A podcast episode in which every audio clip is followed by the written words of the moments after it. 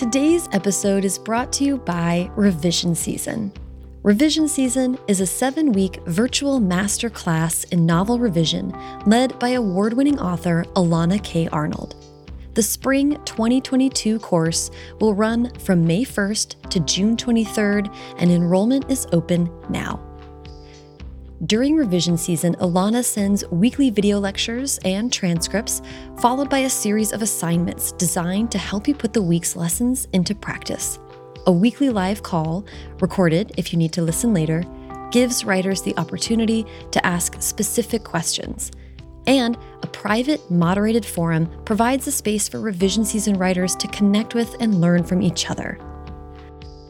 By the end of revision season, writers will have the tools they need to deepen, enrich, and grow their current manuscript into its next incarnation. I've taken revision season and I really loved it. Not only is Elana one of the most thoughtful teachers I've ever had, her class is also such a wonderful and easy way to build a community of like minded writers, and that's so crucial in getting through the ups and downs of being a writer. This season, three full scholarships for LGBTQIA writers with a full manuscript are available and will be chosen at random. Email alana at elanakarnold.com by April 7th to apply.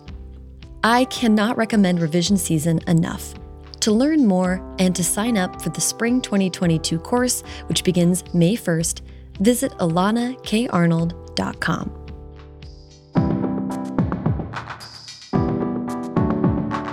Welcome to First Draft with me, Sarah Enni.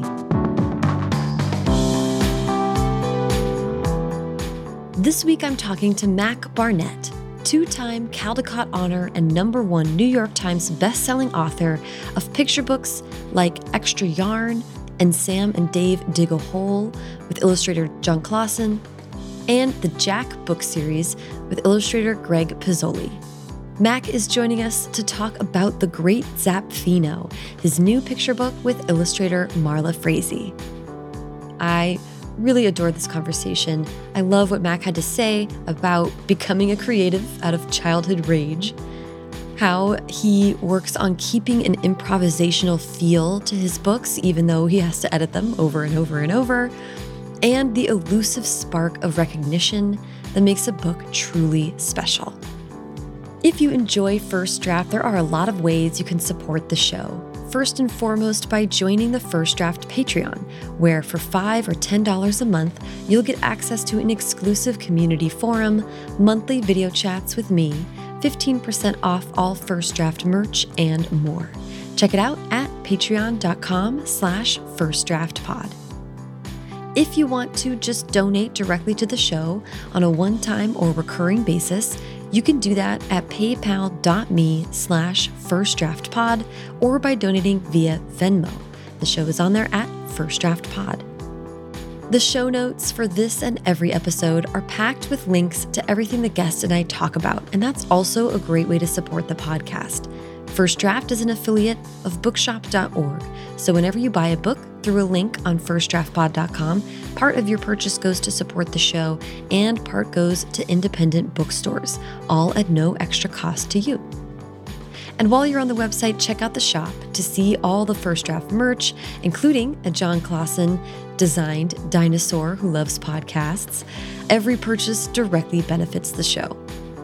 And there are plenty of free ways to help out too, like by subscribing to the podcast on whatever app you're using to listen to it right now, leaving a rating and review on Apple Podcasts and Spotify, and signing up for the First Draft newsletter to be sure you'll never miss an episode and to hear about news and upcoming events. Okay, now, please sit back, relax, and enjoy my conversation with Mac Barnett. Hi, Mac. How are you doing this morning? I'm doing well. How are you? I'm doing so great. I am so excited to finally be able to chat with you. I have been reading your work for a long time and I'm a big fan. So I have a lot of questions for you.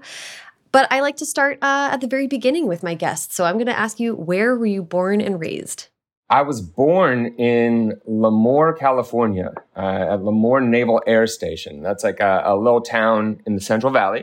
Mm -hmm. And I was raised in the Bay Area. I want to ask about reading and writing as a kid and how that was a part of your growing up. Yeah. So my, it was really important to my mom that we have books in the house, lots of picture books in the house. So she went around to yard sales every weekend and she would buy picture books. Uh, and because of that, it meant that I grew up with a lot of picture books that were from the previous generation and the generation before that. I was born in 1982. I grew up with a lot of picture books from the 70s, the 60s, even the 50s and the 40s, mm. uh, which is very lucky because this is the sort of golden age of mm-hmm. American picture book writing.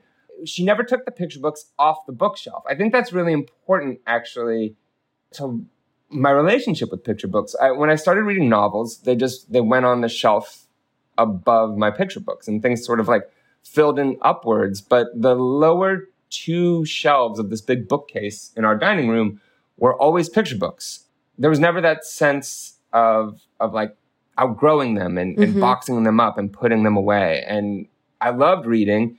And even when I was reading novels, I would I would pull down picture books still too and give them a, a, a read through. Yeah, I heard you um, in another interview say that The Night Kitchen was one that was particularly important to you. I love In the Night Kitchen. Yeah, Maurice Sendak book about a kid who sort of falls out of bed slash has this dream and it's it's an incredible just like dreamlike abstract kind of heroic also a little bit disturbing. There's this hint of menace underneath it but then also he bakes an airplane cake for himself and flies around and it's a deeply strange book that just made complete sense to me as a kid and still does i'm like yeah i know that feeling mm-hmm. i know that feeling to see that captured, yeah, it just it, it felt like as somebody was describing the indescribable to me mm. as a kid. Somebody was was saying like, "Hey, here are these thoughts, these sort of wandering thoughts that you have at night mm-hmm. uh, that nobody talks about, that you've never told anybody about. I can make a book that feels that way. Uh, mm-hmm. Uh, that's incredible." Yeah, it's so special. I mean, all of his books are so special, but and they have that kind of they also have that um that groundedness and depth that you know he's working through something that's so subtextual that you just get that feeling even though it's not on the page in a real way, it's just there. Yeah, that's right. Yeah. yeah. So that was so interesting to me that that was one that stood out to you. And I want to ask about um I I'm in the same boat as you. Well, okay, I want to I want to ask before I presume illustration did you ever are you an artist did you try were you drawing no I, I mean as a kid i loved to draw but i gave it up at the age that probably most of us do uh, and i don't think i ever had a real knack for it i loved mm-hmm. to draw but I, I wasn't like i wasn't good yeah. yeah that's what comes to mind with maurice sendak because he was able to do such magic because he was controlling the entire thing so when you're trying to evoke similar magic but you're only one part of the equation how do you kind of think about that yeah, I really think like making a picture book manuscript, it, like finishing a picture book manuscript is finishing an unfinished thing. My mm-hmm. job is just to build sort of a scaffolding for pictures to come in and complete the story. And so you're always looking for opportunities to lay a piece of text next to what will be an image that creates a sort of dynamic, interesting relationship. Mm-hmm. But it, it's really so much of the job is creating opportunities for illustration to do the storytelling. I think in a good picture book, uh, words and pictures are, are, are both telling the story together, and words are telling things that the pictures aren't, and, and pictures are telling things that the words aren't. And there may be pages where it's about 50-50 there may be pages where the text is a little bit more forward uh, and and there will certainly be pages where the images are doing more work than the text i think that's for me it's the most exciting part about writing a picture book is building this this partial thing i think that like all my favorite writers, all my favorite poets, they all engage with the limits of language. I love language. I've always loved language, but I don't fully trust it. Um, mm. And I think that the picture book is a form that, just by its very existence, acknowledges the limits of language. It says, this story can't be told in words alone. Mm-hmm. Uh, and I love that about it because I think it's dangerous when writers get too in love with language and, and their own words. And, mm-hmm. and picture books demand that you don't.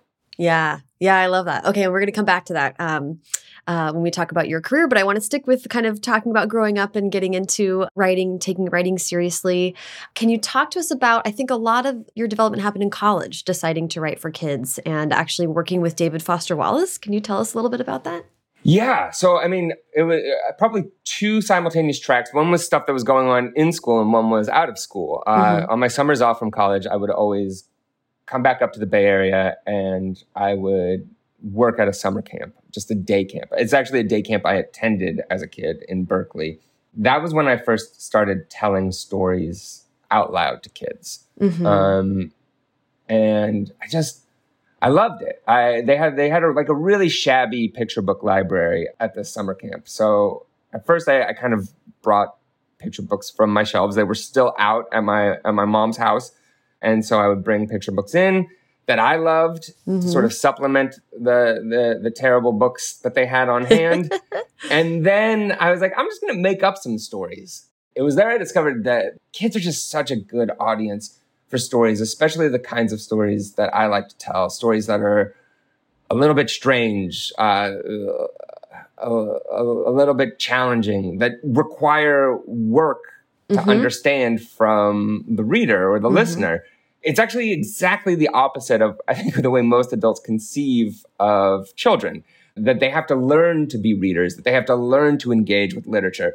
Their minds are so much better at engaging with, with the real stuff than, than adults are. And so I was just so excited about this. I was like, this is what I want to do. I want to write kids' books. It was actually both telling my own stories, but the one book they had at this, t- just a, t- this library was so bad at this camp. But they had one book that I had missed as a kid because all my books were older books. Right. They had a book, The Stinky Cheese Man, by friend of the pod, yes. Jon Scieszka, and uh, and illustrated by Lane Smith. My campers, they were all four year olds, and that book is this really brilliant, challenging piece of metafiction where all of the jokes require pretty like complex knowledge of how the book is working. But the book also, through design and storytelling, teaches you how a book works as mm-hmm. it makes fun of the way that a book works. It's so brilliant. And as long as you give kids the knowledge that they need to understand the joke, they can actually understand a really complex joke. Mm-hmm. I was I like I would just marvel at the fact that these kids were laughing at the same jokes that I was in the book. You know, there people love to talk about like the Pixar thing where they're like, you put jokes in there for the adults and jokes in there for the kids, and some of them fly right over the kids' heads and and and the adults laugh. And I mean, that's true for a reference that a kid might not have, but it's not true about complexity. Kids will laugh at complexity. And I couldn't believe the way that kids engaged in this book. And mm-hmm. I was mm-hmm. studying metafiction in school I was like, here's the stuff that like I'm so proud of myself of like, oh, I I like to engage with the tough stuff. And actually, these kids were laughing at it. Um, mm-hmm. And I was like, this is what I want to do. The fact that that book was so widely beloved and so widely read and was actually this really challenging piece of experimental literature is that there's no there's no audience that engages with experimental literature this way. So I went back to school and I was determined to write for kids. And yeah, David Foster Wallace an experimental writer himself was a, was a teacher at my school. And I did, I applied for a writing workshop that he ran at school and, and sort of went in. I, I was so afraid. I was so afraid that I wasn't going to get into this workshop. and I thought like, if I didn't get in, it would mean that I wouldn't be a writer. We had to submit a sample. And I was like, man, if he reads it and is like, you can't be in here, I mean, that's it. Like, that's it. Mm-hmm. You've just had somebody say you're not in like the top 15 people who applied. That how am I ever going to make it? So I was like, I'm going to go in and like lay some groundwork. and I was like, hey, uh, you know, I'm going to apply for your class. Anything I should know about submitting my sample? And he was just like, he was like, I think the instructions were pretty clear. they were. He was a very clear writer, and we were just sort of. I was like, "Oh no, what what am I doing in here?" And I was like, "Yeah, yeah. I just like how. Oh boy, what what are we? What am? Uh, and then I told him I wanted to write for kids, and he got really confused by that. I remember he like he winced and tapped his teeth. He was always wincing and always tapping his teeth. And he's like, I don't know anything about writing for kids. But I was like, I, that doesn't matter. Like, I know how to talk to kids. I've always worked with kids. I just want to know how to write. Like, I just mm. want, like, I just want to know what you have to say about writing. And I want to bring that to kids' experiences. That, that there's no actual difference in artwork for kids and artwork for adults in terms of its like nature, its purpose. You know, you want to tell the truth about the world in a way that is aesthetically appropriate to the truth that you're telling. But kids have a different a different experience of the world than adults do. Yeah. Yeah, and I I mean uh, as you say I got to talk to Jon Scieszka which is was so great and he was saying similar things, studying the same kind of literature and talking about how when he was teaching kids he would bring in Kafka. And it was like yeah, that's actually like the perfect audience for a story about a guy that turns into a bug. You know, that's they're so ready for that. Uh, yeah, it's the they adults. laugh at that first line, and it's such a funny first line. And adults, we get so nervous because it's also such a bizarre first line. And you're like, right. do I get it? Am I? Is this funny? Is this not? Right. And yeah, and we get into that serious like hmm hmm, where we're like really nervous that we're going to say something yeah. that reveals that we don't understand. Whereas if you read the first sentence of that book, kids laugh, and I think Kafka would have been pleased. And then yeah. you'd be like, that's right. yes. And so it's so interesting to me that that was the kind of literature you were, I mean, had you, you were studying metafiction and experimental literature and knowing that you wanted to write it for kids i just that's such an interesting place to be did you have i mean besides Jon were there models out there for what you were doing or were you already thinking i want to try to kind of transform this space well, I think that the, the tradition of children's literature is a tradition of experimentation so that you get, you know, from Wanda Gág, uh, who's, I think, very early in defining what a picture book is. She wrote mm-hmm. Millions of Cats. And I think she sort of figures out before anybody else does, like how this thing really works. And mm-hmm. it's a mm-hmm. long time before you see what we recognize as a picture book actually emerging from the children's literature space.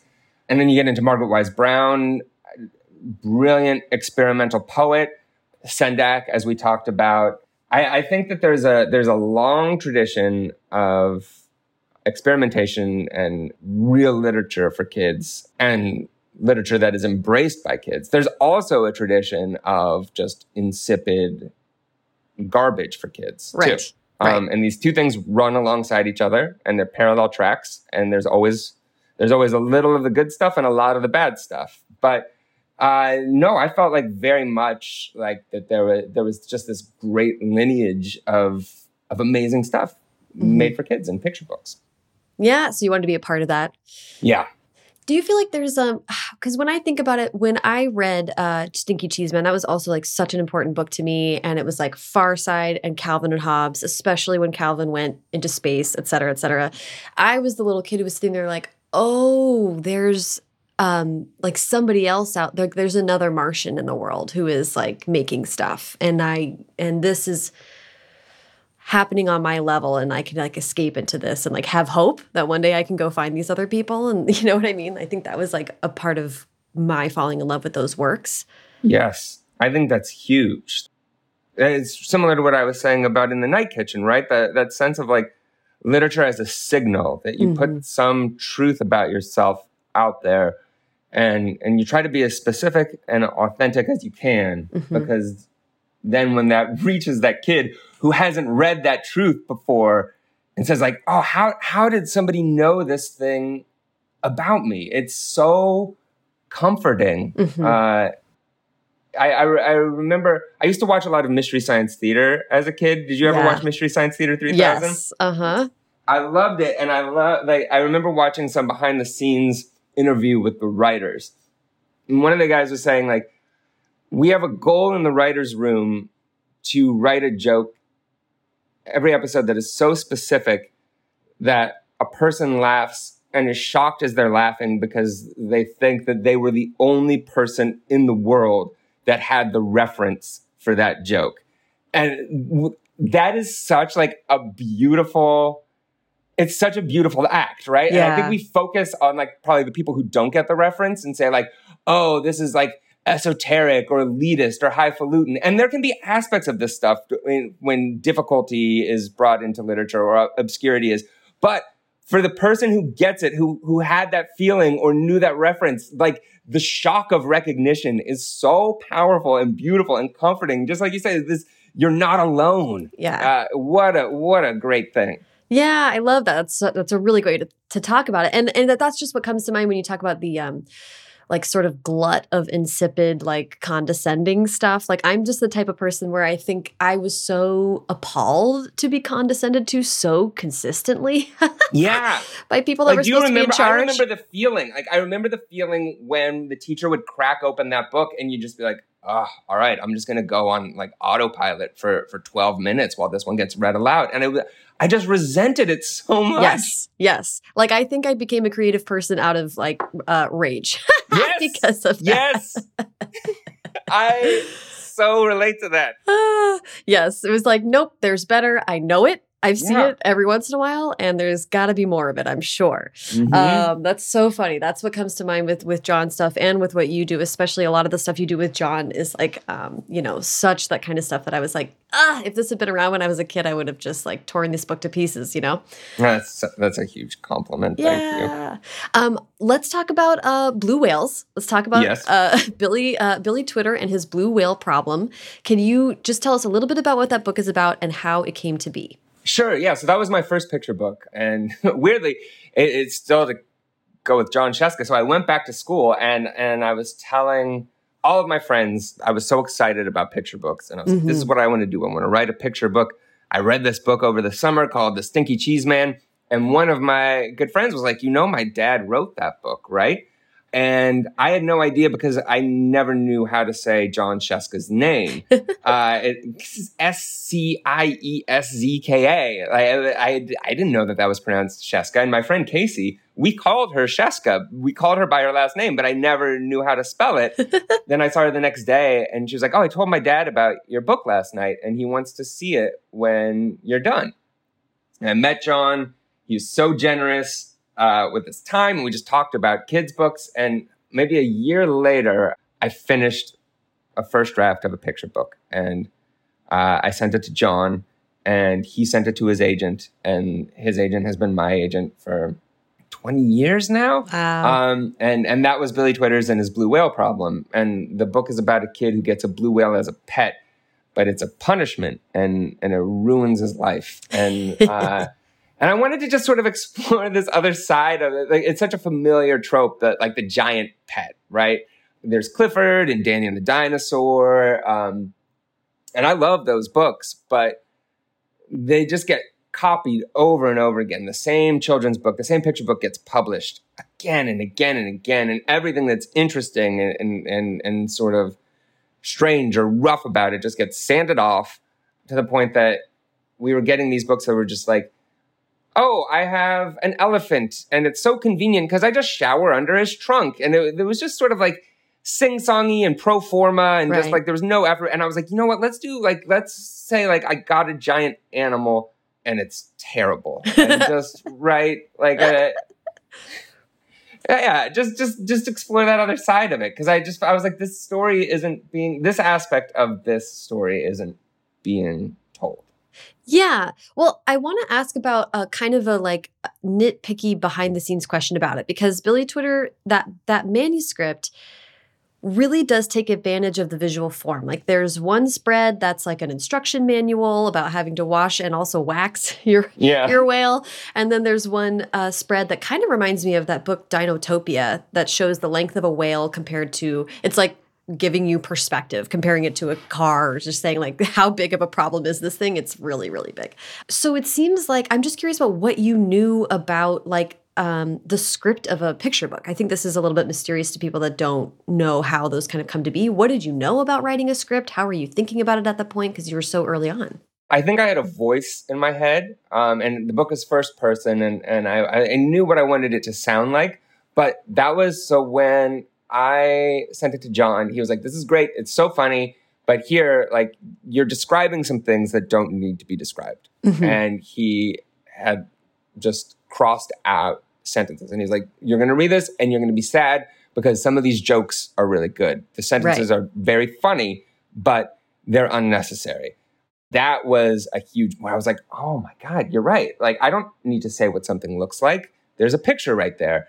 And it totally changed the feel of the manuscript. It, mm. it, it became what we were talking about before, this incomplete thing. And to mm. know that it was done when it felt incomplete, when there were these gaps, and to be like, these gaps are actually the point, and and the pictures are going to come in and fill these gaps, mm-hmm. and the reader's going to have to get information from two different places. Mm-hmm. That was huge. That was such an exciting moment.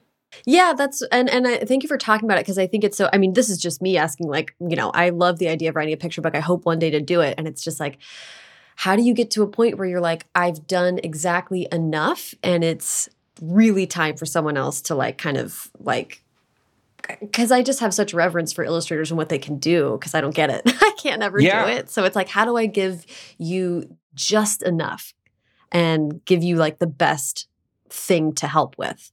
Yeah.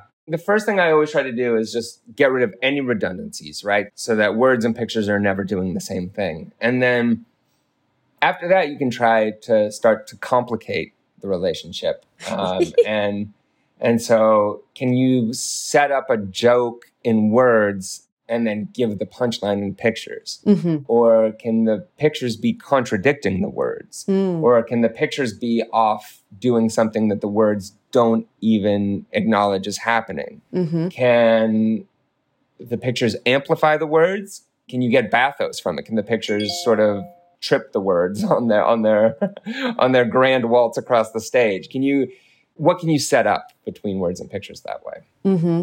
Yeah, it's so fun. That leads me to Adam Rex and working with him as the illustrator. He illustrated uh, Billy Twitter and lots of other books that you've done.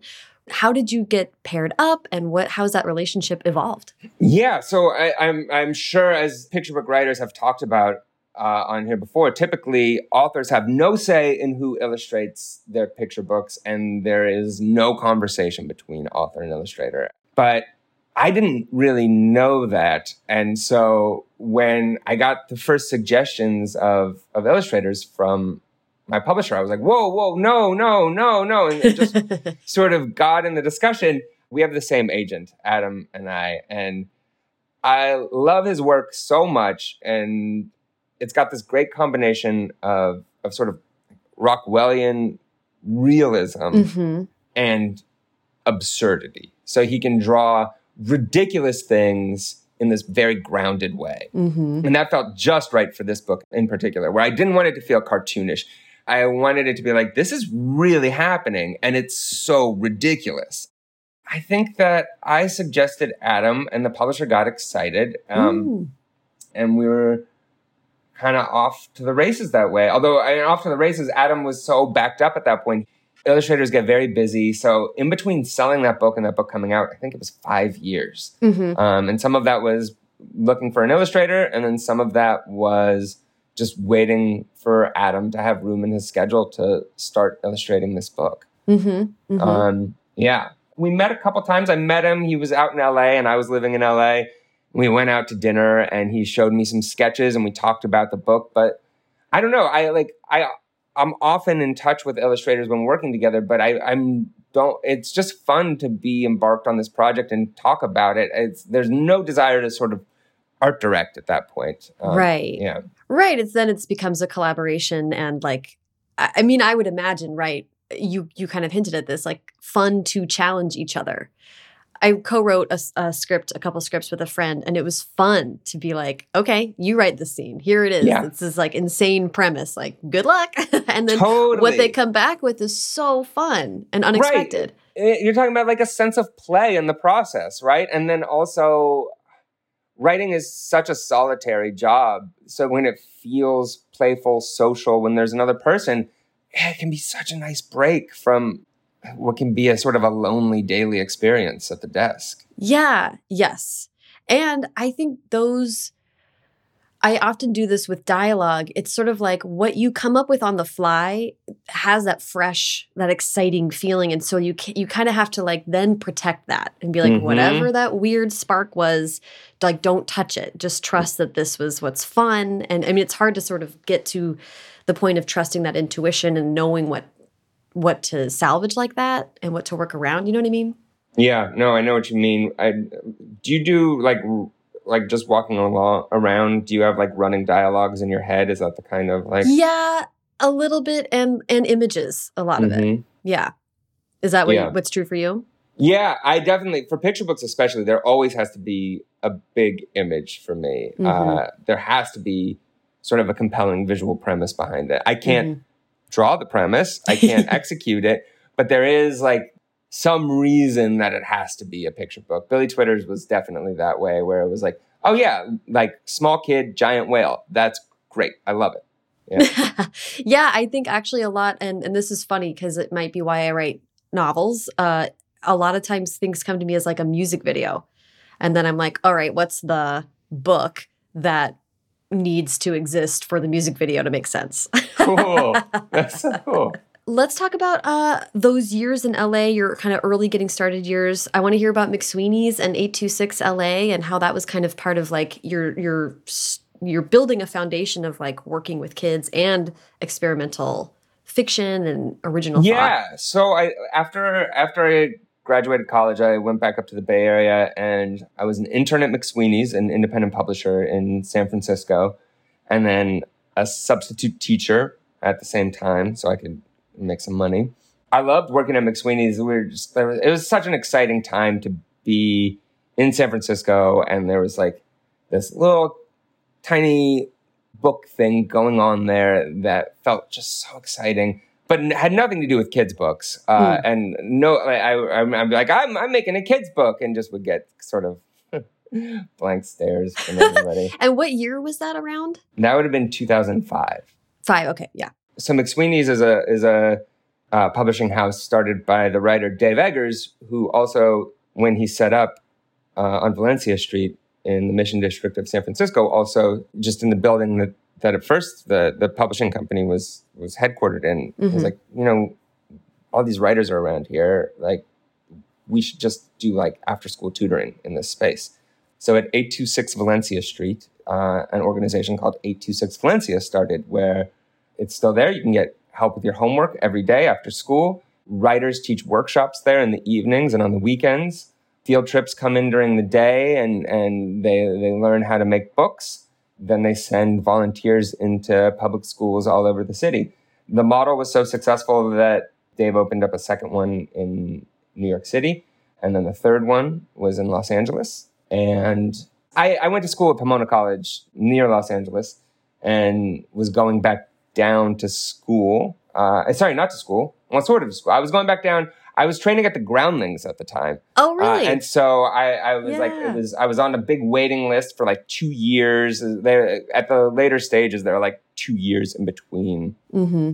And the Groundlings is a is a sketch comedy and improvisational theater group. Mm-hmm. My place was coming up in the Groundlings next level, and so I moved back down to LA and started running 826LA down there. Mm-hmm. Um, and yeah, that was it was great. I've just always worked with kids. I love I get I get so much energy from talking to kids. And every I think every job I've had pretty much has involved kids in some way. Mm-hmm. And we have yeah. you to thank for the time travel mart. Is that right? It's true. If you're ever in LA, uh, in, in Echo Park, there's the Echo Park Time Travel Mart, which is a convenience store for time travelers. And you can buy products from all times for all times. You can get dinosaur eggs, fresh dinosaur eggs. You can get a robot toupee, which is like steel wool. It's also great robot chest hair. Uh, yeah, yeah, it's great. I live in Eagle Rock. I was in Silver Lake for a long time. So, uh, yeah, the time travel mart was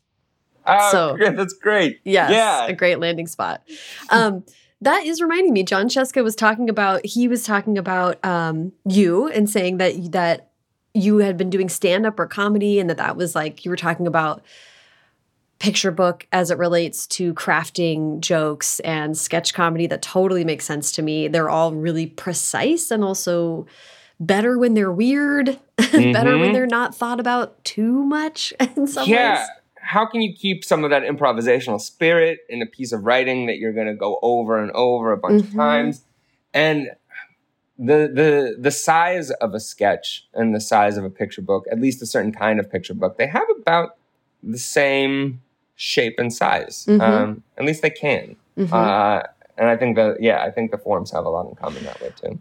That makes me think of endings as well. I think that's the thing about sketch comedy that really uh is most intimidating to me. Mm-hmm. Is like you don't want there to be like an ending, like ba ba but Right, that, like like that Saturday Night Live ending, right? Which is just always like such a massive disappointment. You're just Mhm. like, oh, oh, that you can be just in love with a sketch, and then you just feel that ending, and you just it just ruins the whole thing. Yeah. I know. I Yeah. know. Yeah. How do you approach that? Because it's the same in picture books. You have to sort of Yeah. there needs to be a conclusion, but how do you make how do you get to a place or feel for something that feels honest but also like an actual conclusion? No, that's such a great point, actually. Like if you, because man, that's I. The, so something I loved about the Groundlings, you know, just being a little theater, uh, and and many of them get fed into Saturday Night Live sketches that started on the Groundling stage. Yeah. You'll see on Saturday Night Live that kind of enforced tidy ending with that nice little button on the end.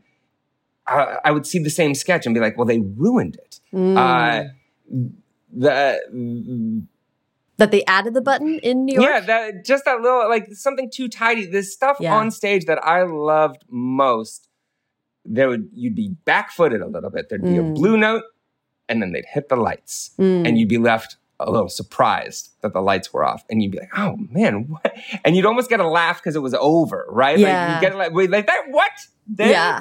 Yeah. Uh, I think that that actually, and I've never connected this, but Sarah, I think that does really influence the way that I think about endings, which I know some people are very uncomfortable with the way that I end my picture books because they're they do often end in a weird place. Mm. They they end a little too soon, or we go on like for two more pages after you think it should have ended Mm. or or in the case of extra yarn like the book sort of ends halfway through Mm. and then we keep telling the story for another 14 pages Mhm. um, i like the idea of finding the ending in the beginning of the story and not this idea that there is an ending toward which we're working toward from the outside. I don't like structures imposed Mm. on a piece of writing to say Mhm. like oh the, the kind of Freytag triangle like you've got it's got to end this way. You've got to end with an epiphany. The character's got to learn something. There's got to be this moment where things are wrapped up.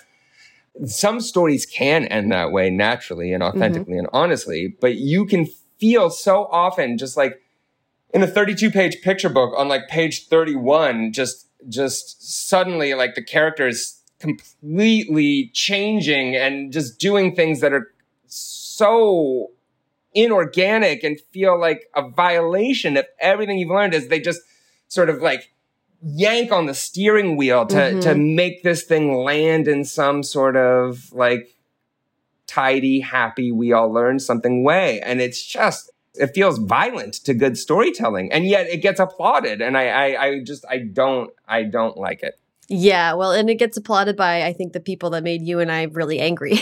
That's right. when, when we were kids. that's right What this conversation is making me think of uh, of No Country for Old Men. I, did you have you watched that movie? yes And the first time I'm like gonna, I don't want to really spoil that movie. People should watch it. It came out many years ago. But anyway, the ending comes a little bit out of nowhere. It comes after a, Uh-huh. a monologue and it just ends. And you're like, that is the first time I've had that feeling in so long where I was like, Uh-huh. and then you just want to watch it again. It doesn't make it less special, it makes it more special. i think that's right Yep. Yeah. Well, we agree. We solved it. Um, um, okay, I want to get back to talking about your books. You started, I mean, Bill, it took Billy Twitter about five years to come out, but you were writing that whole time. And in that time, I was like working on other picture books, which were also not coming out. So it was this weird thing where, where like, I was telling people for years, like, oh yeah, I, work on picture books, which of course everybody says, and, and they're like, okay, Mac, yeah, yeah, you write children's books. And I was like, no, there are like seven of them coming out, but like, and they had all been sold and they were all in process. And I feel like I feel like it was this great thing where I had leveraged the publishers, where it wasn't that thing of like the first book is coming out and it's like, well, if it's not good, we're not going to publish another one. If it doesn't do well, like it was like you've got seven, so mm-hmm. you better you better make something happen because right. there are seven books coming out. Yeah. uh, and by that you mean you were selling to multiple houses at the same time. Well, that's true too. Right. I did like I so my first picture book came out with Hyperion, and then my second picture book was one called Guess Again, which is sort of a it's a deconstructed guessing book mm-hmm. where um, like the first poem goes, he steals carrots from the neighbor's yard. His hair is soft, his teeth are hard, his floppy ears are long and funny. Can you guess who? That's right, my. And you turn the page. Grandpa Ned. uh, and Adam Rex illustrated that too, and he comes up with these brilliant ways where each time you think you're looking at something, you turn the page and it's something else. My editor, who who published my first book, she didn't I don't think she really liked. She didn't like Guess Again. she was like, "What if it was a bunny?" Kind of was the vibe. That's uh, so funny. So, uh, so we took that to a different house. My books change a lot from book to book, and I think that it can be a little bit head spinning for editors who buy a story because they connect to it and they see the next story, which feels to me very natural emanation of right. my soul. Right. And to them, they're like, what is this? what is this? uh, and, and so we tend to just sort of try to to match a story to an editor who will like that kind of thing. But I like that because, and I'm glad to hear you talk about it because I think that often there is a, a conception of an ideal publishing career where you sort yes. of find the agent that works for you and to find the editor that works for you, and then you just kind of like merrily we move along and you stick with that. And I think what I really love about looking back at all of your work is it's so varied and you've been sort of fearless about just finding the right place for the right book and just having a level of trust in what you wanted to do, it seems like. I think you're right. And I think that like the mythos of that editor is so real. In kids' books, there's this legendary editor, Ursula Nordstrom. She's a genius. She published so many of the greatest children's books of all. Like her list is incredible. You can't believe the stuff is on there. She has a collection of letters called Dear Genius that's fantastic. And if you're interested in kids' books, especially picture books, it's worth reading those.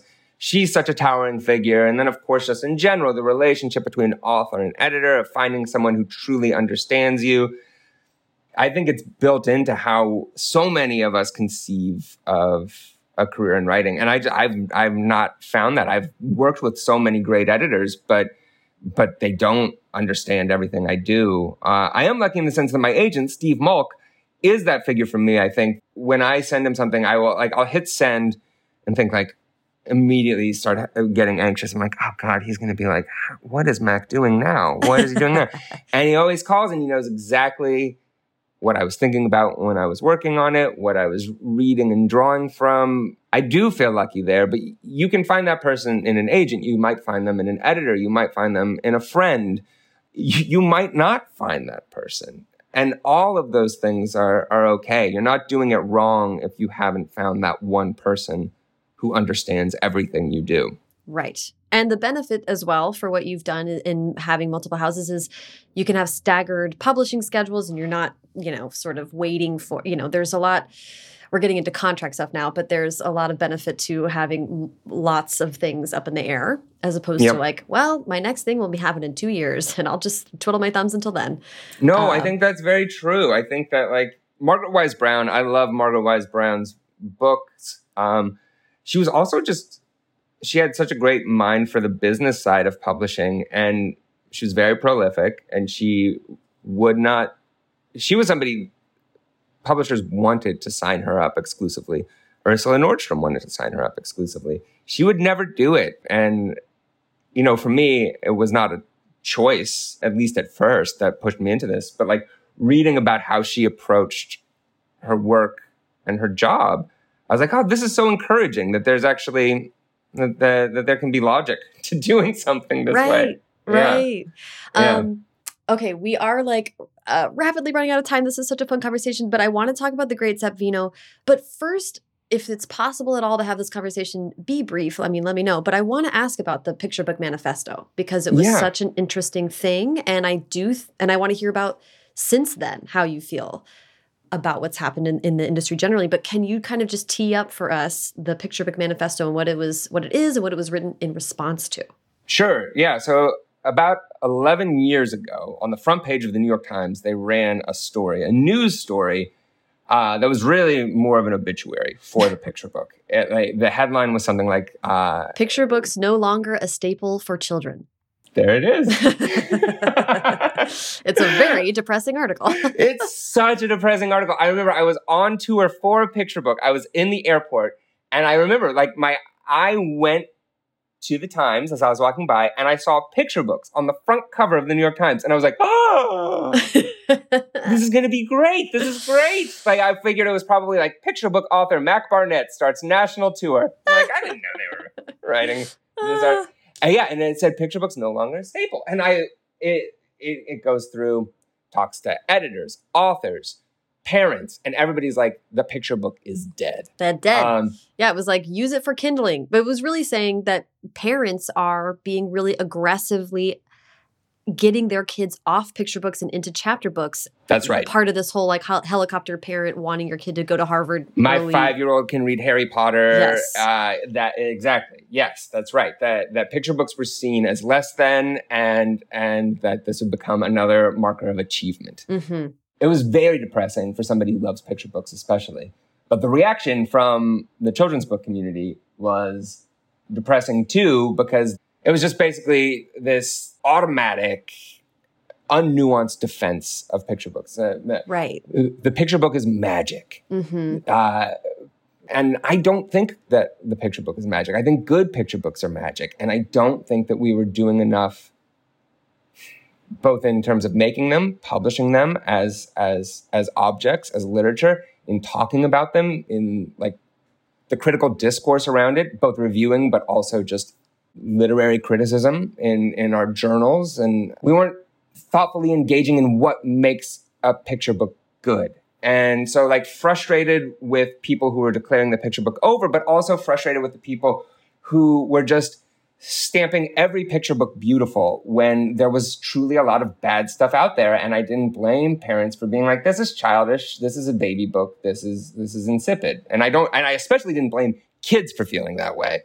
And so it was like, how do we, how do we make good picture books? And so I wrote down some thoughts in a, like sort of a manifesto format and uh, reached out to some authors and illustrators whose work I admired and asked them if they would sign this thing. Carson Ellis, an illustrator, hand lettered it, and then we took it out as an ad in the Hornbook magazine, which is sort of the industry magazine for picture books, and, and just printed that as a full page ad and put it up online at the picturebook.co. Again, this was 10 years ago, so the .co thing, it really, it seemed like that was going to be big. It seemed like it was going to, everybody was going to be a .co.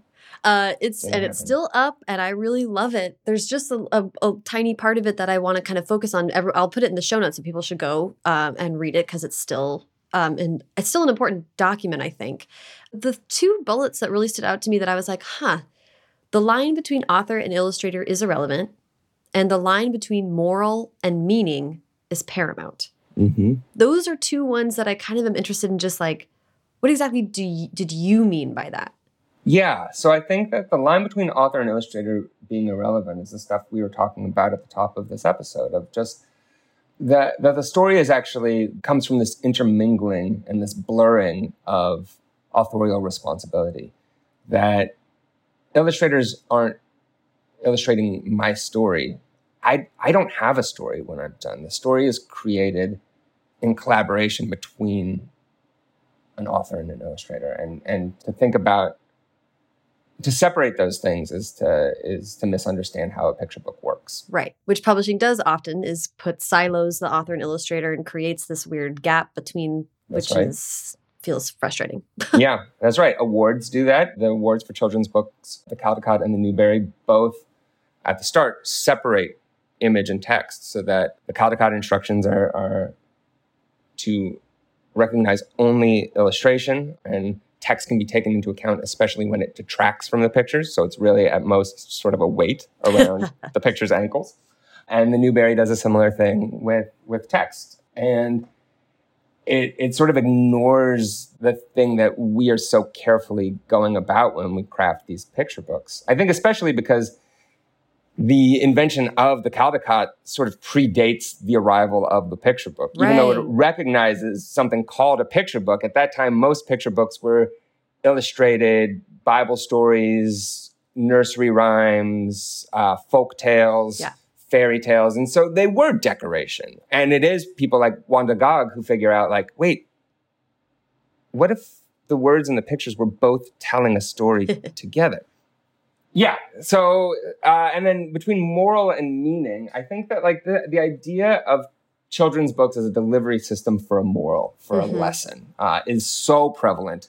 And I, I think uh, the idea that this has to be what a picture book does is lethal to good children's literature. It, they can do that, just like just like chicken soup for the whatever soul, whoever soul. Gonna, they have there are all kinds of souls out there now. Yeah, there's like they, you know those books. Those books have affirmative morals and and and you read a story and you know just what you're you're like uh, what you're supposed to think at the end of it. That's fine that's not the kind of storytelling I like to read. That's not the kind of storytelling I, I like to write. But there's this idea that children's books have to work that way, that we are putting everything we can into teaching a kid how to be polite, respectful, kind, and that literature is a delivery system for these morals. I just don't buy it. It's upsetting to me. I'm more interested in that. That's what that thing does. It, it distinguishes moral and meaning. And for me, rather than a book inscribing a lesson on a kid's brain, that's a moral. I'm interested in meaning, just as text and image collaborate to make a story. A book and its reader collaborate to create meaning. And so, just like there are gaps in a manuscript for illustration to fill in, there are gaps in a book for the kid who comes to this book to bring their experience, their intelligence, into figuring out what it means. And meaning is created each time a kid comes into contact with book. And it's a little different each time. And it's very personal. And it's how we learn to make sense of the world. That's the stuff that I'm interested in. And yeah, I, I don't think that there's enough of it in, in kids' books. Yeah, and that's that was the other thing I just wanted to touch on with you because I knowing that this came out in 2010 and first of all thank you for explaining that because I, I think that's just it's what we were talking about but i just love how you wrote it um, so succinctly in the in the manifesto do you think in the last 10 or 11 years that you've seen books that rose to that challenge i think i've seen a lot of kind of new and creative stuff in the last 10 years that does make me excited I think that's right. I think that there's been a lot of great stuff. I mean, I think that both of those both of those approaches to making kids books continue to be alive and well. Mm-hmm. There's a lot of moralizing stuff out there, yeah. maybe more than ever before. But there's a lot of very interesting stuff happening too. And there will always be. That's the story of children's literature. People who believe that a story is a powerful mode of instruction and another way to teach kids, and people who believe that kids deserve real stories. That tension is always there. It's been there from the beginning, and it's certainly operating right now. But yeah, it's an incredibly exciting time for, for picture books. I think there are a number of really interesting, exciting books being made. People will say now, like, I think this is another golden age for picture books. And it doesn't mean that everything is good. It means that we're getting like three or five or eight great picture books in a year. If that happens, like that's a ton of great stuff. That's mm-hmm. a ton of great stuff. Like truly great. Yeah. That that's amazing. And if you can start putting up 15 or 20, those kinds of numbers, that like now we're talking about a true golden age. Mm-hmm. And so yeah, maybe that's happening. You never know. You never know if you're in a golden age until it's over. But uh yeah, I think that there's a lot of interesting stuff coming out for kids right now, for sure. Yeah, I want to talk about The Great Zapfino, which is this incredible book you have coming out with Marla Frazee. Uh, I have a few questions about it, but can you kind of give us the gist of this book, please? Yes. It is about a circus performer named The Great Zapfino. He has a high dive act. So it starts off, and, and the text of it is a, a ringmaster's patter, introducing this high dive act at the circus. As the ringmaster describes what Zapfino is going to do, you can see him get uncomfortable. He's like, I didn't know it involved all that, uh, and so he quits. He's afraid. It's it's it's a death-defying, risky act, and he climbs back down the ladder, leaves the circus tent, gets on an airplane, flies to a new city, rents an apartment, gets a job, starts a new life. And all of this takes place. The ringmaster's speech drops off and it becomes wordless. And you just see this circus performer start an entirely new life and live out what could be years of it before it has a sort of appointment in Samara like structure. In the end, he is nevertheless once again required to jump from the exact same height that uh, he was going to have to in the circus. Yeah, and it's so beautiful. Marla's drawings are so specific and wonderful. And I am obsessed with her the circus and the clown series, right? And that the yeah. little the little central figures are just like, you know, they just make you feel things how she draws them. I love that I'm talking to you about this book because it is so wordless. So I'm so curious about how it came about and how you kind of negotiated your part of this process because a lot of it was kind of getting out of her way in some in some ways. That's right. Yeah, I think that the the manuscript probably has more stage direction than than it does actual text. Um, there are was very it, few words in it. Yeah, was it your concept or how did? Because I know she it was. was it was too. my concept. It was my concept. Yep, it was a like it was a manuscript that we brought together. I but but I wrote it first, and it's just a word document. When the text stops, it becomes a long paragraph mm-hmm. um, that describes these sort of big bullet points in the next few years of Zapfino's life. Like that's really tough. Like stage direction, art direction in a picture book manuscript is really tricky because you only want to do it if it's absolutely necessary to understand what's going on. And most of this book is wordless. So to have the plot advanced, I needed to describe these sort of big things that were going to happen. At the same time, you want to provide freedom for an illustrator, especially an illustrator like Marla. So once we sold it to the publisher, I think Marla and I had a one call where we kind of talked about the, especially that middle period of Zapfino's life where he's in a new job. And I said very much like, obviously, Marla, you know the things that need to happen in order to make this ending land. Please feel free to embroider, change. If, if things are none of the like we we just we were very clearly on the same page of on how we wanted this to end up. And I, I wanted to make sure she felt empowered in that space to, again, make authorial decisions. Mm-hmm. Um, yeah, I love that. I mean, were were you? She has a consistent style, so I think you knew a little bit of what to expect. But were you? How did you feel when you saw her conception?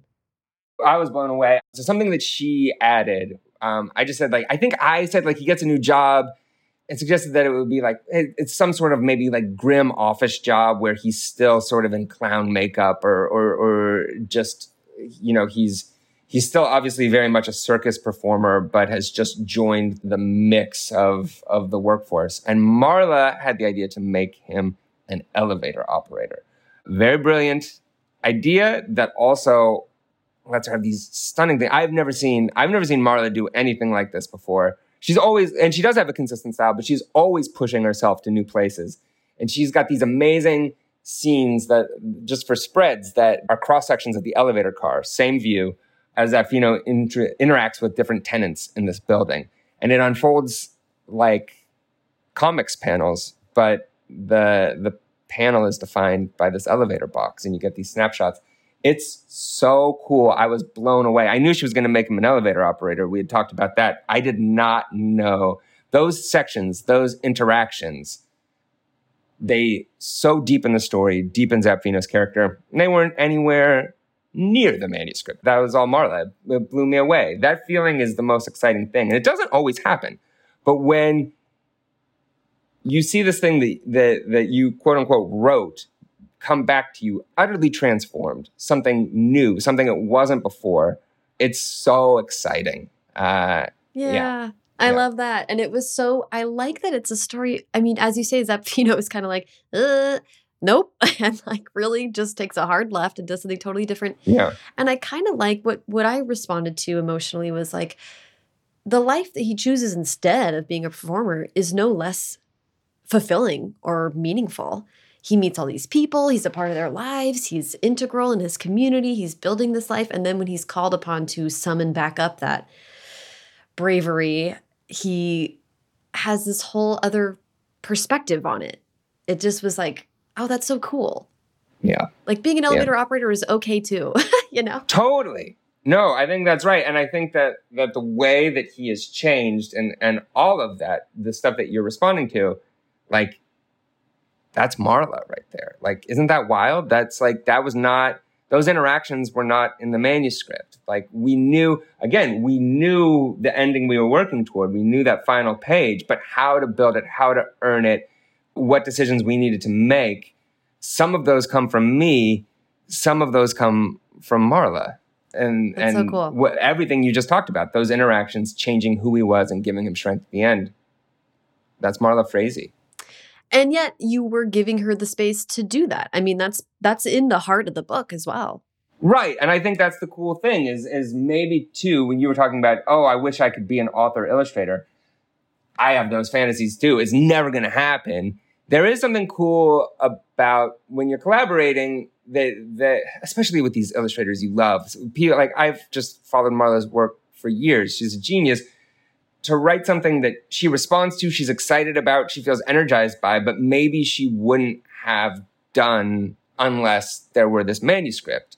That's very cool. I feel that way. certainly like, you know, with, with Jon Klassen, that that when we're working together, we're able to make a kind of book that neither of us are able to make on our own or with a different collaborator. That something happens where we each push the other one into this new place. Um, yeah. And you don't get that when it's just you. So so I'm glad I can't draw, Sarah. In conclusion, turns out that's a great thing. Um, I do. Can you talk a little bit about Billy Goat because you have that coming out with Jon soon? Yeah, sure. So so uh, the the picture books I've been working on lately are retellings of fairy tales. I've always loved fairy tales. Probably a big reason I responded to the Stinky Cheese Man when I was in college, and I really I was I've been interested in doing fairy tale retellings for years but never pitched it. Sort of afraid to pitch it. Didn't know if anybody would be interested. And my editor at Scholastic took me out to lunch when I was out in New York visiting her. And she's like, Mac, I, I want to take you to lunch. I have a project. I'm, I don't know if you'll like it, but just hear me out. I was like, what is this going to be? and then we were sitting there. I just, I, I was, my memory is so vivid of it. She's like, okay, so this is kind of out of left field, but would you ever be interested in doing fairy tale picture books. And I couldn't believe I it, like it had been years of thinking about doing this. I was immediately so excited, and she pulled out all of these fairy tale picture books uh, that she had in her tote bag. So many of them were books that I had grown up on.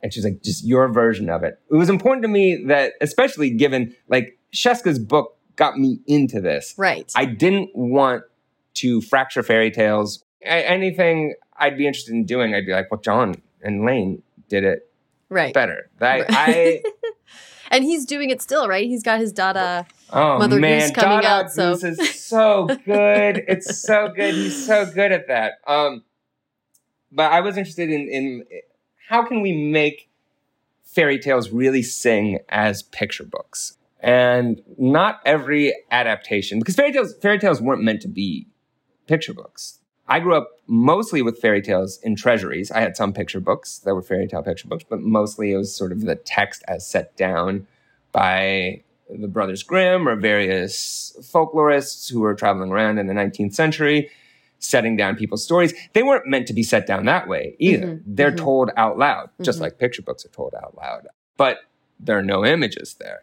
So, how do we make these things have a relationship between text and image? How do we break the story across page turns? How do we make this the best performance? Because I feel like that's the core of fairy tales. Like that's why they were told over and over again. You kind of know the story, and when the kids are getting a little unruly, you say, "All right, all right, be, be quiet, be quiet." Yeah.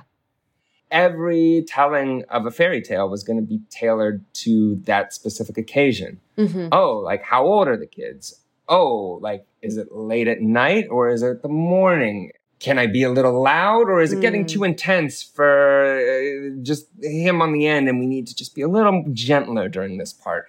So I wanted to really make them work as picture books. And I there's often not enough attention being paid, I think, to the images. Mm-hmm. There are so many fairy tale books that I think have too much reverence for the text, mm. but also the images sort of they're beautiful, but they just decorate this sort of revered text right. that's set down. Right. How do we have everything working to tell the story? How do we build this across page turns? So the first one is going to be the Three Billy Goats Gruff. Jon Klassen is illustrating it. I think we have a both of us have a long time obsession in our work with getting eaten Mm, uh, yeah, that does come up. yeah, it comes up for both of us a lot. It, That's yeah. funny. Billy Twitters ends with him like living inside the whale's stomach, the mm-hmm. the wolf, the duck, and the mouse. Uh, both of us keep going. obviously Jon's hat books. Yeah. Uh, so there's another one. A lot of lot of lot of eating and getting eating and getting eaten. And yeah, I think we've got the biggest goat in the history of children's literature in this one too. Yeah. A big claim. I love that. Yeah. Uh, that's incredible. Well, I'm so excited for all those things. Um uh, there's a lot of other I mean, you're always working on tons of stuff, but um I will link to all of the things that uh that you're working on coming out soon. I think First Cat the first cat in space ate pizza, right? Sure. Something you're yep, working the on. First cat in space ate pizza. Graphic novel coming out. It's so exciting. May, I think. Yeah, thank you. Yeah. So I'll link to all that stuff and I hope that you'll come back and join us to talk about more of these things in the future. Are you kidding? I would love to. this is a dream. Thank you. Thank you for this was such a fun conversation. I really so appreciate fun. it. Thank yeah. you. Thank you so much to Mac. Follow him on Twitter and Instagram at Mac Barnett. And follow me on both at Sarah Enni and the show at First Draft Pod. First Draft is produced by me, Sarah Enni. Today's episode was produced and sound designed by Callie Wright. The theme music is by Dan Bailey, and the logo was designed by Colin Keith. Thanks to social media director Jennifer Nkosi and transcriptionist at large Julie Anderson. And as ever, thanks to you, millions of cats, for listening.